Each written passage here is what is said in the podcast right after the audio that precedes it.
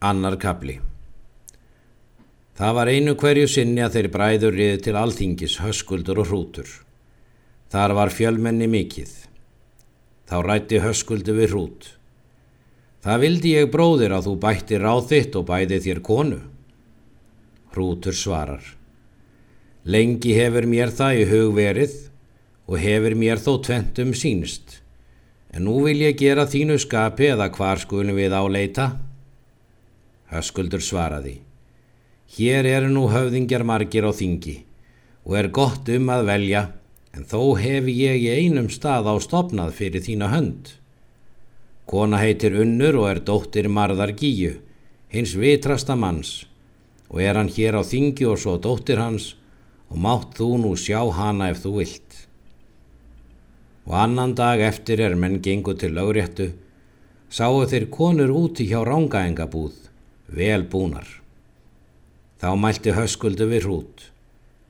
Þar er hún nú, unnur, er ég sagði þér frá, eða hversu líst þér á hana?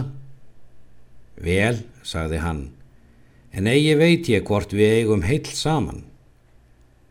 Síðan ganga þeir til lögréttu. Mörður Gíja mælti lögskil að vanda sínum og gekk heim til búðar sinnar. Höskuldur stóð upp og rútur og gengu til búðar marðar og inn í búðina. Mörður satt í innanverðri búðinni. Þeir kvöttu hann. Hann stóð upp í mót þeim og tók í hönd höskuldi og settist hann niður hjá honum en hrútur sati næsta höskuldi. Síðan töluðu þeir margt og komu þar niður ræður höskulds að ég mæli til kaups við þig.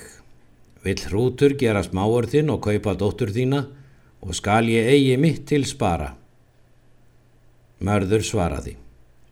Veit ég að þú ert höfðingi mikill en bróður þinn er mér ókunnugur. Höskuldur mælti.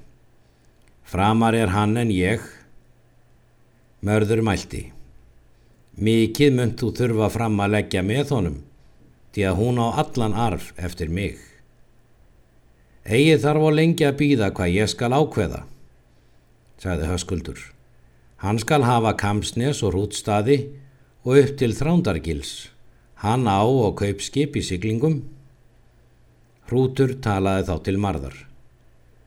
Hugsa svo um bondi, að bróðir minn mun mér mjög hafa framhaldið fyrir ástarsakir, en ef þér vil ég gera málið að álitum, þá vil ég að þér geri kostin. Mörður svaraði. Hugsað hef ég kostin.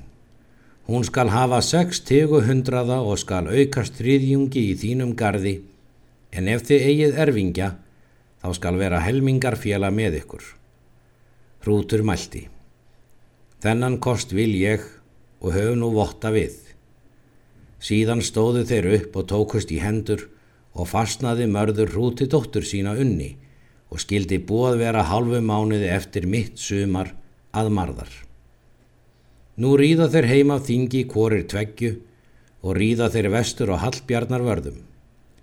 Þá reið í mót þeim þjóstólfur són Bjarnar Gullber og Reykjardal og sagði þeim skip komi í kvítá og var þar komin út össur föðurbróður Rúts og vildi að Rútur kemi til fundar við hann sem fyrst.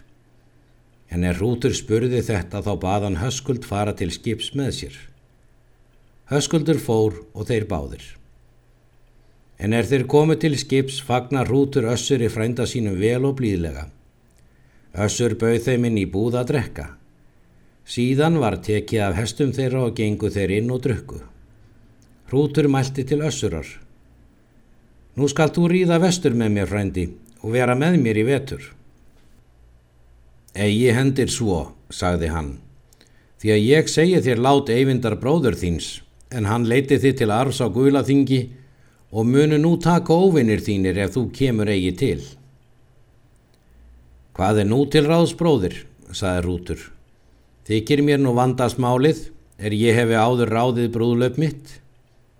Höskuldur mælti. Þú skalt ríða söður til fundar við mörð og byð hann að því skipið máldaga annan og sitji dóttir hans þrjá vetur í festum, en ég mun ríða heim og flytja vöru þína til skips. Hrútur mælti. Nú vil ég að þú takir mjöl og við og slikt annað sem þér líkar að varningi. Hrútur létt taka hesta sína og reið hann söður, en höskuldur reið heim vestur. Hrútur kom austur á rángarvöllu til marðar og hafði þar góðar viðtökur. Hrútur sagði merði allt efni sitt og bað hann ráða á leggja. Mörður mæltu og spurði hversu mikið fjöð það væri. Hrútur sagði vera 200 marka ef hann fengi allt. Mörður mælti. Mikið er það í móti erðinni minni og skalt þú víst fara ef þú vilt. Síðan breyttu þeir máldaganum og skildi unnur sitja þrjá vetur í festum. Nú rýður hrútur til skips og er við skipum sumarið þar til er búið var. Höskuldur færði fjall til skips þar sem hrútur átti. Hrútur fekk höskuld í hendur fjárvarveislu sína vestur þar meðan hann væri utan. Reið höskuldur heim til búsins. Littlu síðar gaf þeim byr og sigla þeir í haf. Þeir voru úti þrjár vikur og komu að við hernar og hörðalandi og syldu síðan austur til víkur.